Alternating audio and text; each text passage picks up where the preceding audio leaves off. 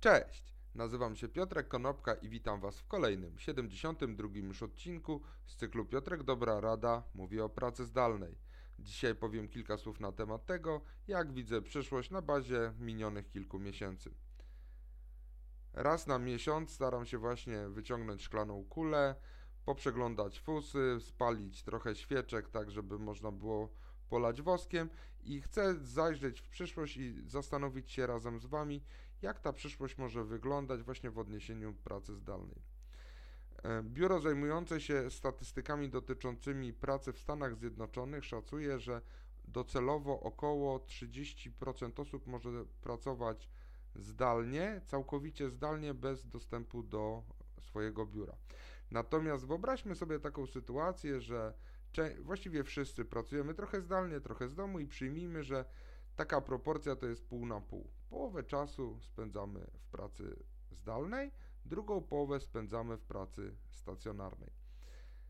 I wyobraźcie sobie, że ten cały system, który dzisiaj istnieje i funkcjonuje wokół nas, oparty jest o jedno założenie, to znaczy o to, że spędzamy jednak w biurze od 40 do 70 godzin tygodniowo.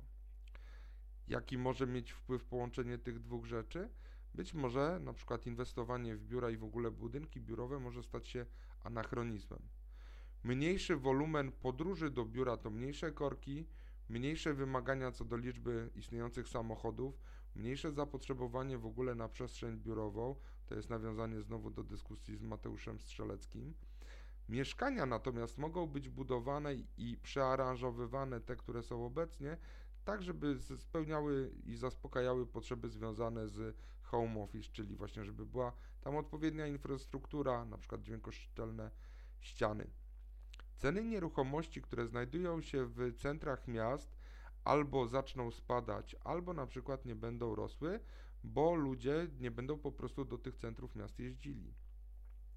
Jeżeli chodzi o podróżowanie, to wspomnieliśmy już o samochodach, że może być ich mniej, ale podróże lotnicze mogą być o wiele droższe, ponieważ będziemy wpuszczali na pokład samolotów mniej osób i będą większe restrykcje sanitarne.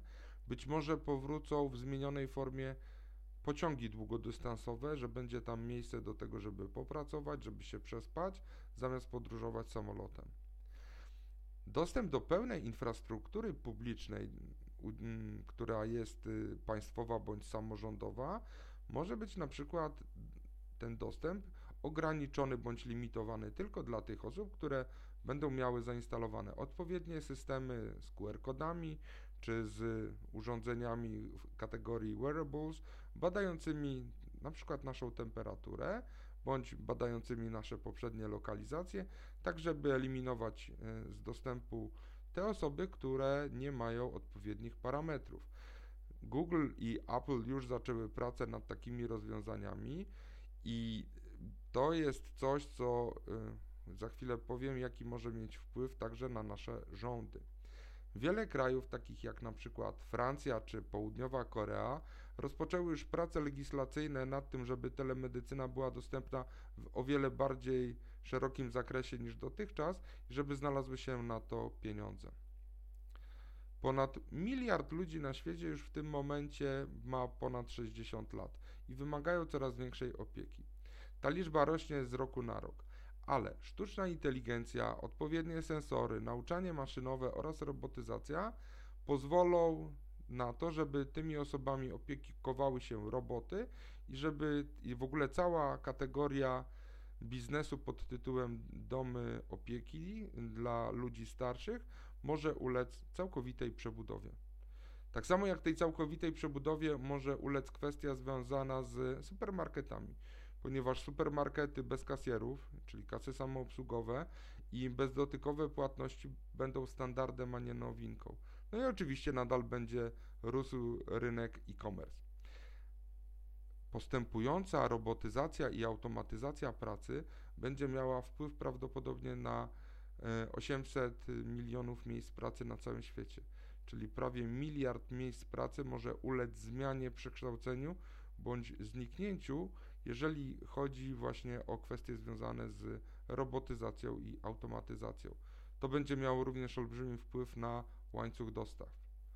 Pamiętajcie, że Do dzisiaj rządy już zadeklarowały bądź już wpuściły w rynek blisko 10 bilionów dolarów, a jesteśmy nie wiem, 4 miesiące po rozpoczęciu się epidemii na, czy na, na całym świecie.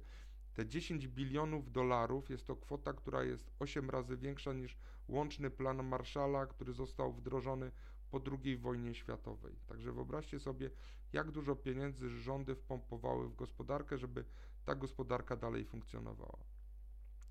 Ale oczywiście, jak wszędzie, nie ma żadnych darmowych obiadów, także rządy będą pewnie chciały mieć coś w zamian, i tym czymś w zamian będzie dostęp do naszej prywatności.